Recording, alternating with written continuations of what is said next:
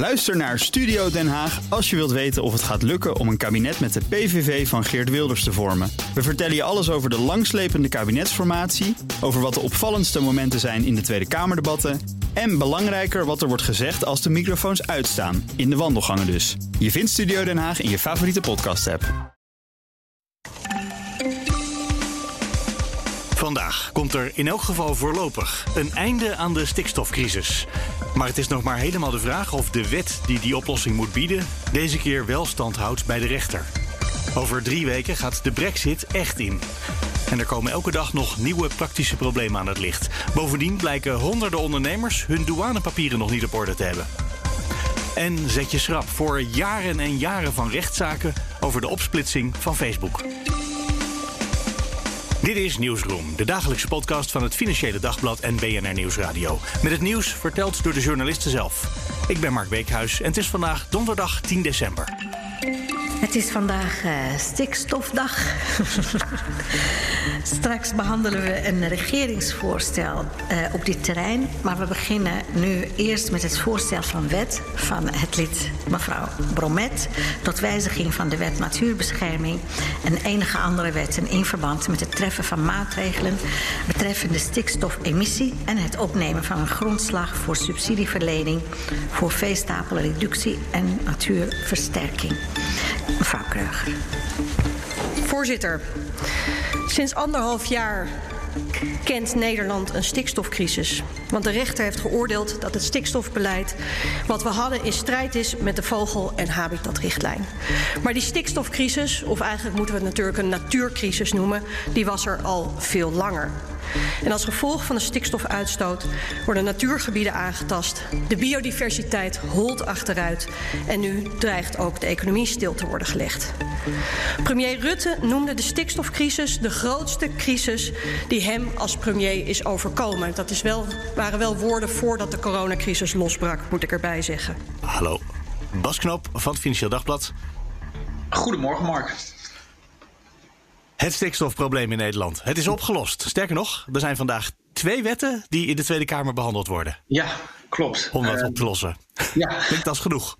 Het klinkt als genoeg. Uh, de vraag is of het ook genoeg is. Uh, de, de, Kamer spreekt uh, zo vanochtend eerst, hè, want we nemen dit op om vijf voor tien, geloof ik. Ja. Om kwart over tien begint het, het debat. En dan spreekt de Kamer eerst over een wetsvoorstel van GroenLinks. De, de, de, stikstofwet van GroenLinks om het stikstofprobleem op te lossen. En later vanmiddag volgt de behandeling van het wetsvoorstel van het kabinet om het stikstofprobleem op te lossen.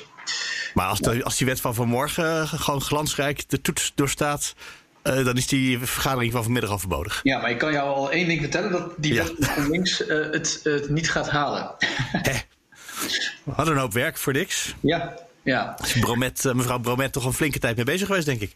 Zeker. Um, en zij is ook van overtuigd dat haar wet wel um, uh, het stikstofprobleem adequaat oplost. En, en, zij heeft weinig fiducie in dat dat gaat lukken met het kabinetsvoorstel. Wat is het kabinetsvoorstel? Um, nou ja, dat, dat, dat voorstel dat, dat werd half oktober gepresenteerd. Um, daar kwam direct heel veel kritiek op. Uh, onder andere van de commissie Remkes, die door het kabinet uh, zelf is ingesteld om te adviseren over het stikstofprobleem. Het zou te weinig ambitieus zijn, juridisch wankel. En het stikstofprobleem niet daadwerkelijk bij uh, de bron aanpakken.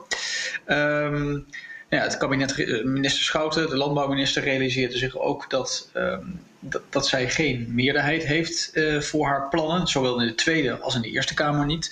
Dus wat de afgelopen weken volgde was een, een ouderwets um, kopjes koffiedrinkmarathon van, uh, van de coalitiepartijen met verschillende oppositiepartijen. GroenLinks en de Partij van de Arbeid vielen al vrij snel af.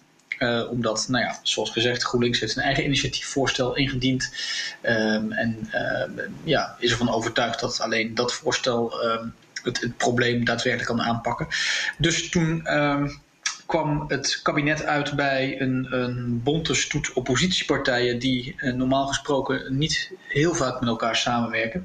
Te weten de SP, de SGP en 50PLUS. Nou, dat is inderdaad een onverwachte combinatie. Ja, dat is, uh, gisteravond is er dus uh, tegen een uur of elf is er een uh, akkoord gesloten. Um, waarmee het kabinet zich verzekerd heeft van voldoende steun in in ieder geval de Tweede Kamer. En ja, vermoedelijk ook dus in de Senaat. Daar waar de, de behandeling waarschijnlijk half januari plaatsvindt. Eerst even naar GroenLinks. Want uh, GroenLinks en Partij van de Arbeid ook vinden dit niet, die wet van de regering van mevrouw Schouten, minister Schouten, niet goed genoeg. In ieder geval de oorspronkelijke wet uh, van de regering. Um, kijk, GroenLinks, uh, om, om het even simpel te houden, GroenLinks wil dat binnen 10 jaar de stikstofuitstoot met 50% omlaag gaat. Dat is eigenlijk conform het advies van de commissie Remkes die dat ook uh, bepleiten. Daarnaast wil GroenLinks ook uh, dat, dat de veestabel uh, drastisch wordt verkleind en dat er meer hectare natuur komt in Nederland. Dat is even in de kern het, het, voorstel van GroenLinks. In het oorspronkelijke voorstel van Schouten, dat er ook dit najaar werd gepresenteerd, um, werd er uitgegaan van een stikstofreductie van 26% in 2030. Dus ongeveer de helft omlaag. En daarnaast, zou er uh, ehm, 3 miljard euro worden geïnvesteerd in natuurherstel de komende 10 jaar en 1 miljard in de verduurzaming van de bouw. Dus het, uh, het bouwen met, met, met, met, met schone uh, hijskranen en, en bouwmachines. Um, in het akkoord dat, dat gisteravond gesloten is met, met, met de oppositie. Um, wordt dat, dat stikstofreductiedoel wel wat omhoog geschroefd. Uh, en dat gaat naar 50% in 2035. Dus vijf jaar later dan GroenLinks um, dat wil en de commissie Remkes adviseren. Uh, maar, maar wel 50 procent. Wel 50 procent. En um, mocht dat doel worden gehaald, dan um, zou dat ertoe moeten leiden dat in 2035 74 procent, dus bijna driekwart van de stikstofgevoelige natuur, weer op een gezond niveau uh, is. Um, nou ja, dat, dat, dat is dus eigenlijk uh, het, uh, het belang, de belangrijkste aanpassing van het wetsvoorstel. Um, dat, dat dus gisteravond een akkoord over uh, gesloten is. En wat hebben SP en SGP en 50PLUS voor hun steun teruggekregen? Want die hebben natuurlijk ook, die zagen kans. Je hebt gelijk, het zijn inderdaad partijen die in het stikstofdossier nogal tegenover elkaar staan. de SP die zat toch meer op de lijn van GroenLinks en de Partij van de Arbeid... dat er toch meer stikstof moest worden gereduceerd dus die zullen blij zijn met die, die aanscherping. Daarnaast heeft de SP ook bedongen dat er een extra impuls komt voor de woningbouw. Uh, in Nederland. Uh, er komt extra aandacht voor woningbouw in gebieden waar de stikstofcrisis voor nijpende problemen zorgt. En bovendien gaat het kabinet het budget ehm, dat beschikbaar is voor zorgbuurthuizen verdubbelen naar 40 miljoen euro. Zorgbuurthuizen, dat heeft niets te maken met stikstof. Dat heeft inderdaad niks te maken met de stikstofwet, maar dat geldt als een soort wisselgeld voor de SP. Okay. Um, de SGP uh, heeft ook iets bedongen, namelijk dat er een oplossing is gevonden voor de zogeheten pasmelders en niet-melders. Een beetje een juridisch ingewikkelde kwestie. Maar het gaat erom, uh, die, die, die zogeheten pasmelders, dat zijn ongeveer uh, 6000 boeren die onder het uh, inmiddels afgeschoten programma aanpak stikstof geen natuurvergunning hoefden aan te vragen voor, voor activiteit waarbij de uh, stikstofdepositie maximaal 1 mol per hectare per jaar bedroeg. Dat hoefden ze ja. dus alleen te melden. Uh, maar ja, zoals je weet heeft de Raad van State uh, het pas uh, in mei vorig jaar van tafel geveegd. Ja, dat is waarom deze wet er überhaupt is. Precies. en dus was deze werkwijze niet langer toegestaan. Voortaan moeten dus alle activiteiten waarbij ook maar de geringste hoeveelheid stikstof neerslaat op kwetsbare natuur een, een natuurvergunning vereist. Maar ja, die boeren die, die hebben dus wel destijds hun activiteiten ontplooid en alleen een melding gedaan. En die verkeren dus al enige tijd in onzekerheid of ze wel legaal bezig zijn. Um, nou ja, wat er nu dus bedongen is, en dat heeft Schouten eigenlijk al eerder toegezegd, maar dat wordt nu expliciet in deze wet opgenomen, is dat ze dus uh, deze activiteiten uh, zo snel mogelijk alsnog gaan legaliseren. Oké, okay, dus die, die 6000 boeren die zijn uh, gered, die waren met terugwerkende ja. kracht juridisch prima bezig. Ja, uh, ja, nou ja, dat, dat is dus, dat, daar gaat de rechter over. Maar uh, nou ja, dat, gaan ze, dat gaan ze opschrijven in de wet. Ja, precies. En uh, ja. om eerlijk te zijn, want het was gisteravond laat. Ik, ik, heb nog niet kunnen um, uitvogelen wat nu de, wat nu de winst voor, de, voor 50 plus is. Hmm. Het is ook ja, die zullen ook wel iets gekregen hebben. Waarschijnlijk wel. Ik, nou ja, ik volg het stikstofdebat vrij goed Maar ehm, dit is niet een partij die zich heel prominent uitspreekt op dit vlak. Dus ehm, dat moet ik je schuldig blijven. Nee. Uh, tot slot de namen van die wetten. Ik weet niet of je ze paraat hebt. Maar de ene wet heet Stikstofreductie en Natuurverbetering. En de andere heet Wet Duurzame Aanpak Stikstof. Nou, dat tweede, dat klinkt hartstikke ambtelijk. Alsof, een, uh, alsof het op het ministerie verzonnen is. Maar juist, dat is de GroenLinks-wet, hè? En die andere, die eigenlijk de natuurverbetering belooft... die komt van de, van de overheid, van de regering.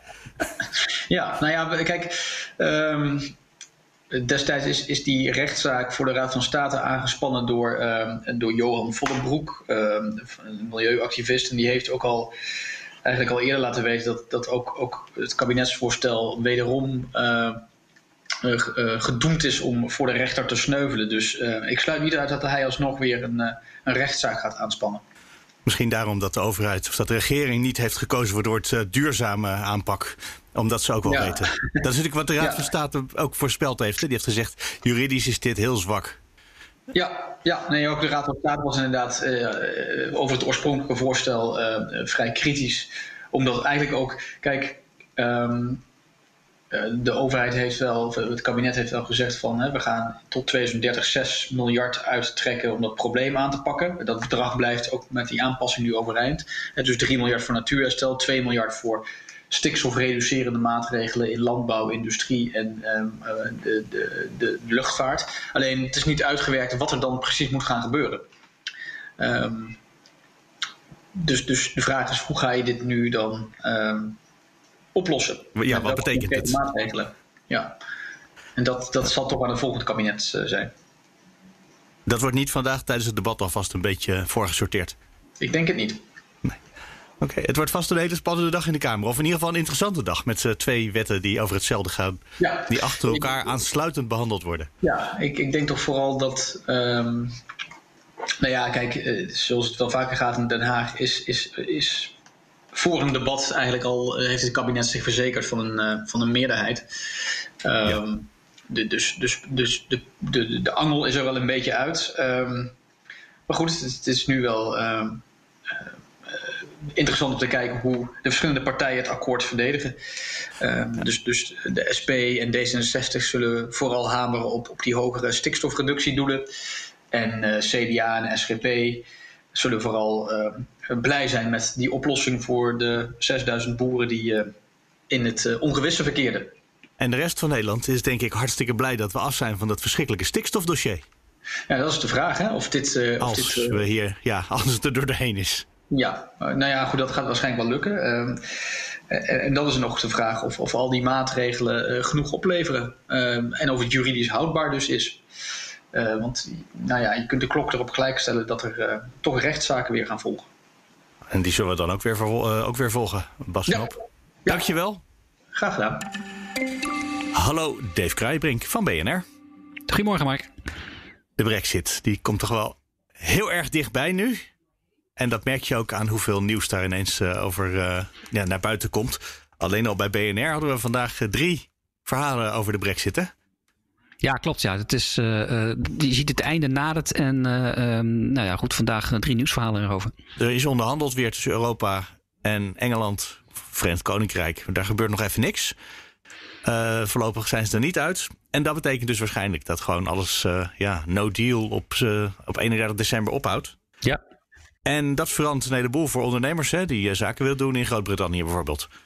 Ja, zeker, absoluut. En dat weten die ondernemers ook al een tijdje, mag ik, uh, mag ik aannemen. Maar je ziet wel dat uh, die datum van 1 januari steeds dichterbij komt. nou ja, toch een heleboel ondernemers alsnog in de stress schieten. Om van alles toch nog even op het laatste moment proberen te regelen. Op het laatste moment. Dit is iets toch wel eens ja, je had het in je agenda kunnen schrijven een jaar of zes geleden. Ja, ongeveer, ja. ja, ja. ja. Nou denk ik ook wel dat natuurlijk ook het laatste jaar uh, nog een coronacrisis uh, overheen is gekomen. Uh, ja. Dat ondernemers misschien de laatste maanden ook wel iets anders aan hun hoofd hebben gehad. Maar feit is wel dat je wel ziet dat bijvoorbeeld nu iedere dag 100 ondernemers alsnog hun douanedocumenten proberen te regelen voor, voor Groot-Brittannië of voor het Verenigd Koninkrijk. Een soort account, een soort registratienummer daar te vragen. Ja, zeg maar, het is een soort DigiD voor ondernemers, zodat je je aan kan melden bij de douane. Uh, en dat, is een, een, dat heet een EORI-nummer. Dat moet je ook bij de douane aanvragen. En dat, dat, dat is relatief eenvoudig. Maar A, je moet het wel even doen. En het is maar één stap in een hele rits van, van, van stappen die je moet zetten. Wil je nog uh, uh, kunnen handelen met, met de Britten. En nu nog elke dag 100. Dus dat zijn er 3000. Ja. wat zeg ik? Ja, 100. Dat zijn er 3000 in de maand. Ondernemers die dat voor januari nog even geregeld willen hebben. Precies, ja. Zo is dat. Gaat, gaat dat goed? Nou ja, ik heb de douane even gesproken en die zeggen op zich hebben ze wel in beeld welke ondernemers dat allemaal nog nodig hebben of inmiddels al zo'n nummer hebben, hebben gekregen. Maar de douane zegt ook, uh, ja, de, voor ons is het ook nog wel een beetje black box van ja, wie wil er straks na 1 januari nog allemaal uh, gaan handelen met, uh, met de Britten. de ondernemersvereniging Evo Venedex, hè, er zitten bedrijven bij die, die, die exporteren. Ja, die geven aan, wij krijgen nog van onze leden constant terug iedere dag rond de 100 ondernemers die, die zo'n nummer nog willen aanvragen. En uh, het is eigenlijk een simpele procedure. Dus het zou gewoon in, in een paar dagen moet je dat ja, wel kunnen regelen. Nou, in, in, een week inmiddels. Omdat, omdat er natuurlijk iedere dag nu wel veel ondernemers zijn die dat willen. Dus, dus de doorlooptijd is ongeveer een week nu.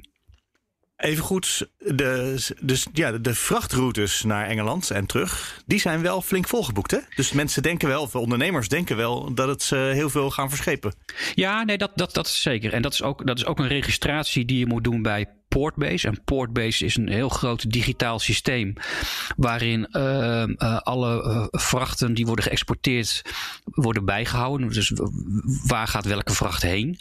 En voor Groot-Brittannië heb je daar bij Portbase ook zo'n registratie nodig. En, daar zien ze al wel dat 88 procent voor wat er normaal gesproken in januari naar Groot-Brittannië wordt verscheept met de ferries, dat is nu al gereserveerd. Dus dat is al, dat is al behoorlijk. Maar ook daar hoor ik aantal grote ondernemingen, met name in het achterland, Duitsland en Polen, ja, nog, steeds, nog steeds geen registratie hebben. Uh, en zo'n registratie is misschien uh, snel geregeld. Maar daarna moeten nog een heleboel stappen worden ondernomen om in dat systeem van Portbase, nou ja, uh, je, je, je zaken voor elkaar te krijgen. Dus ook dat vergt, vergt lange tijd. Dus het is niet zo dat als er op 10 januari ineens uh, heel veel uh, spul extra naar Engeland geëxporteerd moet worden, dat ze dan even een schip daarbij doen en dat het dan geregeld is. Nee, nee zeker niet. Nee, zeker niet. Dat realiseer je niet, dat dat allemaal, uh, dat het zo ver van tevoren al vastgelegd moet worden. Ja, ja. Nee, en, en, en ja, wie, wie straks toch uh, op het laatste moment niks heeft geregeld, wordt nog voor de terminal uh, naar een noodparkeerplaats verwezen. En dan sta je dan met je vrachtwagen om alsnog alles in orde te maken. Ja, dat gaat natuurlijk enorm lang duren. Uh, dat zijn we niet meer gewend, hè? Vroeger nee. had je natuurlijk dat bij de grens met België en de grens met Frankrijk en de grens met Spanje, als je maar door bleef rijden. Ja, uh, dat probleem. is allemaal uh, verleden tijd natuurlijk tegenwoordig. Ja, zeker. Ja, ja. We gaan weer misschien de oude plaatjes zien van, van lange rijen vrachtauto's richting Groot-Brittannië. En dan is er ook nog dat een heel aantal bedrijven in Nederland niet meer zo makkelijk zaken kunnen doen met bedrijven in Engeland. Nou, vooral met financiële instellingen in Engeland. Hè? Want die moeten zich hier vestigen, maar dat doen ze lang niet allemaal. Nee, dat is dan weer de andere kant. Uh, opgeredeneerd zou je bijna kunnen zeggen. Dat zijn financiële instellingen die moeten straks na 1 januari uh, een, een, een hub hebben, dus een vestiging hier in Nederland, want die hebben een vergunning nodig van de AFM, van de Nederlandse Autoriteit Financiële Markten dat een heleboel financiële instellingen, of een heleboel, een aantal financiële instellingen heeft dat nog niet gedaan. Er zijn nu 54 vergunningen door de AFM eh, uitgegeven. Uh, tien financiële instellingen hebben dat nog niet gedaan. Maar dat betekent dat bijvoorbeeld uh, pensioenfondsen die uh, via een Britse financiële instelling willen beleggen, dat straks niet meer kunnen doen. Want ze voldoen niet aan de eisen van de AFM. En doen veel Nederlandse pensioenfondsen dat bijvoorbeeld? Nou, er zijn, er zijn pensioenfondsen die, die inderdaad wel via Britse uh, instellingen uh, beleggen. Dus, dus dat, dat geldt sowieso, denk ik, voor, voor heel veel institutionele beleggers in Nederland. En, en wat betekent dat dan? Kan je dan daarna niet meer bij die miljarden die je hebt geïnvesteerd in die, via dat Engelse platform? Of hoe, hoe pakt dat uit? Ja, dat, dat, is, heel, dat is heel onduidelijk. Um, we hebben gesproken ook met advocaatkantoren in, in het Verenigd Koninkrijk. En eigenlijk kun je dus dan geen zaken meer doen. Uh, dan zou je kunnen zeggen, nou weet je wat, we, we, doen het toch. Maar dat is dus wel strafbaar. En, uh, de, wat moeten ze dan doen? Moeten ze het allemaal opnemen in Engeland en in koffertjes naar hier slepen? Uh, nou ja, dat lijkt me ook geen gezonde situatie. dat past ook niet goed, nee. nee. Um, maar dat betekent wel, en dat zie je ook wel, dat, dat die instellingen in, in Groot-Brittannië dus ook, nou ja, nu al klanten de, de, de de relatie gaan, gaan opzeggen. Dus Gewoon omdat ze denken het is te veel gedoe, om ook een kantoortje in Nederland op te richten of in Frankrijk, ergens in Europa. Ja, en dan weer een vergunning aanvragen bij al die toezichthouders in, in Europa. Uh, dus dat wordt het allemaal lastig. dan nou wordt er gezegd, nou weet je wat, allemaal gedoe, dat, dan doen we het maar niet. En dit is ook als er wel een deal komt een probleem. Hè? Dit, uh, ja, als er, nee, zeker. Voor, vooral die vracht, dan zou je nog kunnen zeggen... als er een deal is, is het probleem minder erg dan het nu lijkt. Mhm. Maar dit blijft, sowieso. Dit blijft. Je, moet, je moet die contracten, eh, die moet je, die moet je maken. Ja. Ook al uh, is er wel een deal, uh, dit, dit moet je wel volgen. Dave Krijbrink, dankjewel. Jo, graag gedaan Mark. Hallo, Wesley Schouwenaars. Hoi Mark. Van BNR, van de tech-update van BNR onder andere. Ja. We gaan het hebben over, uh, nou dat is volgens mij toch wel echt serieus groot nieuws over Facebook. Dat daar nou, er is sprake van dat het bedrijf misschien toch opgesplitst gaat worden. Hè?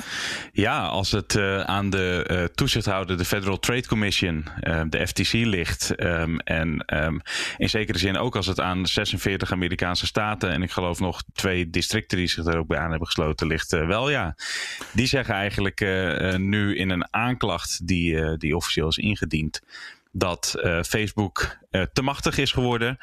Uh, en ze sturen daarbij eigenlijk aan op ja, toch wel het opbreken van Facebook. En dat kan er, gaan, ervoor gaan zorgen, of dat kan betekenen dat uiteindelijk Facebook misschien wel afscheid moet gaan nemen van Instagram en WhatsApp.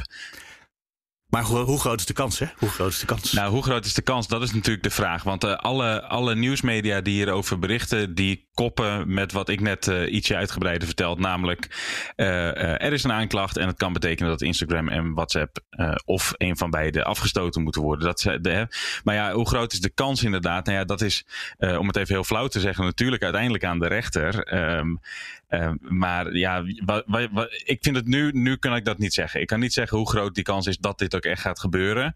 Uh, wat, wat je natuurlijk wel hebt gezien um, uh, in de, nou ja, zeker het afgelopen jaar, maar ook al eigenlijk al in de, in de tijd uh, daarvoor wel, is dat um, ook in de Verenigde Staten zelf, waar misschien Europa nog wel eerder al uh, zei van ja, Facebook wordt te machtig en daar moet iets aan gebeuren. En dan werd er ook al eens gezinspeeld op, nou kunnen we niet eens kijken met opbreken of met strengere regels enzovoort. Maar wat je nu echt duidelijk ziet gebeuren in de Verenigde Staten, hè, waar die bedrijven uh, zijn ontstaan en groot zijn geworden, ja, dat daar toch ook wel wat meer consensus begint te ontstaan dat dit misschien wel noodzakelijk is uh, om ervoor te zorgen dat inderdaad die macht van dat bedrijf, want die is er natuurlijk, dat die wordt ingeperkt. En dat ook politiek gezien, um, ja, zowel de, de Democraten als de Republikeinen elkaar toch wat meer vinden in de visie dat ja, er in ieder geval iets gedaan moet worden aan de macht van, van Facebook. Nou ja, Ze zijn ook heel vaak uh, naar het Witte Huis, nee, niet naar het Witte Huis. Ze hebben ook heel vaak in allerlei hoorzettingen in het congres moeten komen opdraven hè, de Precies. afgelopen maanden. Precies, en, en daar zag je ook een ontwikkeling. Daar zag je bij de eerste hoorzittingen, en trouwens, dat was niet alleen met Facebook, maar ook met andere techbedrijven, met Amazon en Google, Twitter onder meer. daar zag je ook bij de eerste hoorzittingen dat het allemaal nog een beetje knullig was. Hè, dus dat de, de politici daar, de senatoren dat die, uh, uh, en de congresleden, dat die ja, een beetje niet, niet echt de juiste vragen stelden, zou ik maar zeggen. Maar die werden toch steeds scherper en st steeds beter. Um, dus dat, dat, dat laat mij in ieder geval zien dat ze uh, nou ja, dit ook steeds belangrijker en steeds meer serieus zijn gaan nemen, dit, dit probleem. Volgens hun en volgens velen trouwens. Um, ja, en die ontwikkeling zie je gewoon heel duidelijk. En het is natuurlijk geen antwoord op de vraag, ja, gaat het ook echt gebeuren?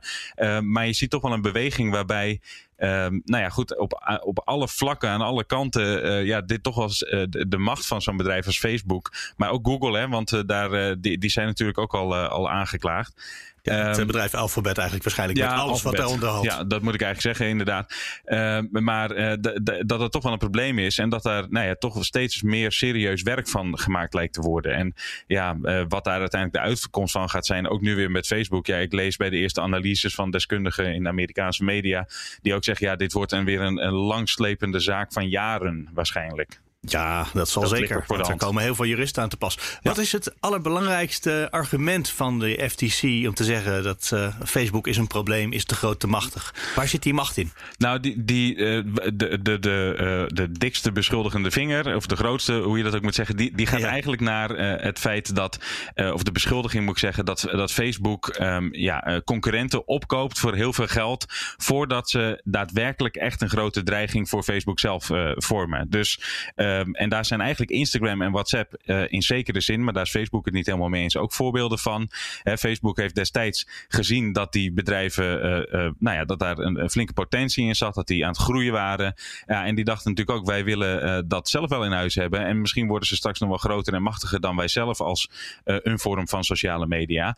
en dus eigenlijk, ze hebben de marktwerking buitenwerking gesteld. Ja, door er gewoon heel veel geld tegenaan te gooien, inderdaad. En um, recentelijk hebben ze uh, Giphy nog overgenomen. Um, uh, ook voor een, ik, ik weet het bedrag even niet uit mijn hoofd, maar voor ook redelijk uh, veel geld. Ze hebben nog een soort klantenservice-achtige tool hebben ze ook in, ingelijfd. Ik wil nou niet zeggen dat dat allemaal voorbeelden zijn die anders een grote concurrent zouden vormen voor Facebook. Maar ze hebben er, zegt de FTC ook gewoon een handje van om ja, eigenlijk concurrenten in te lijven en daarmee nog uit te schakelen voordat ze echt een grote dreiging vormen. En daarvan zegt de FTC van uh, ja, daardoor is Facebook te machtig, te groot geworden.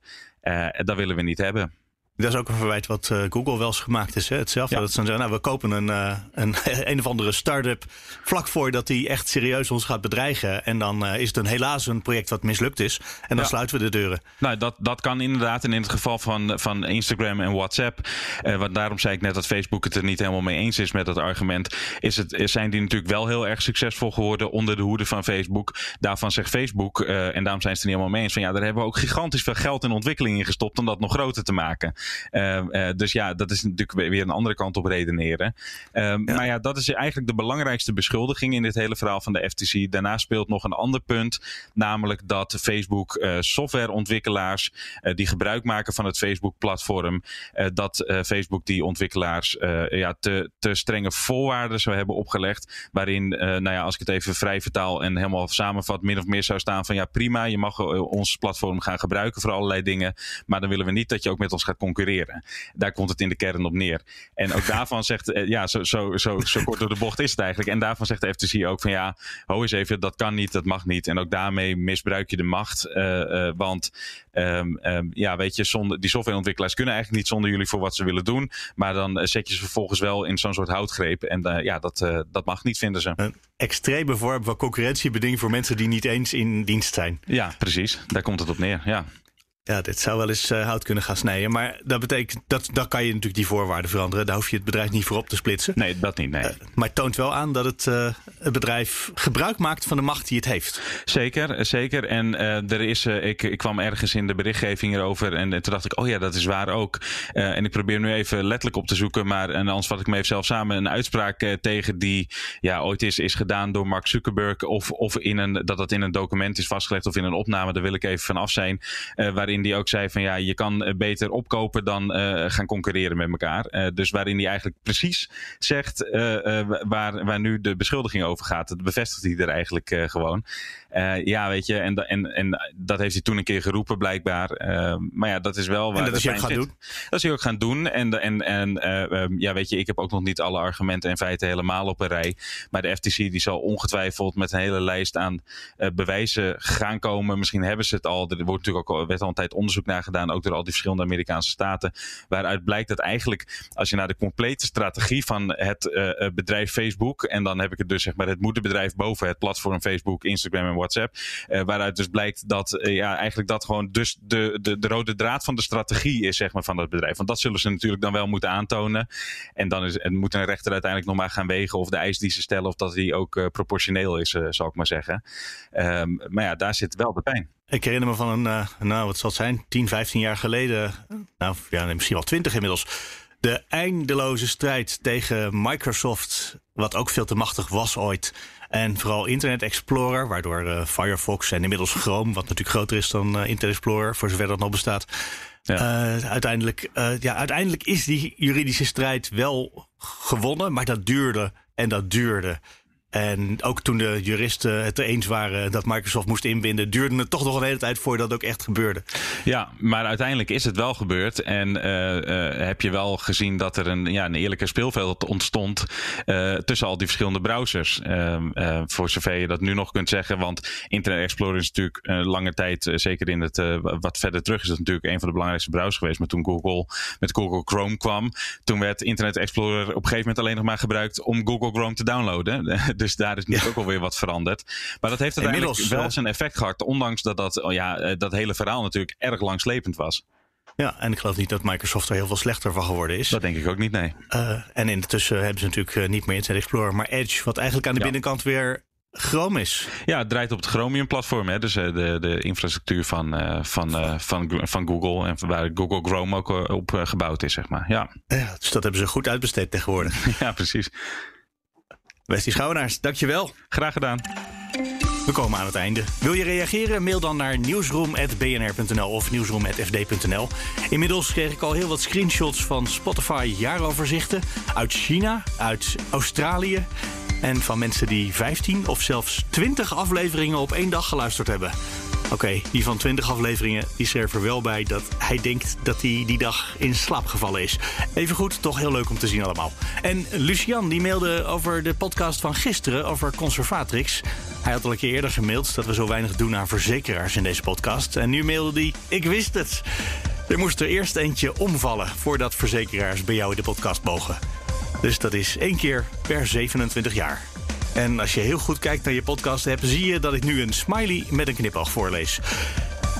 Ook reageren? Mail dan naar nieuwsroom.fd.nl of nieuwsroom.bnr.nl. Tot morgen.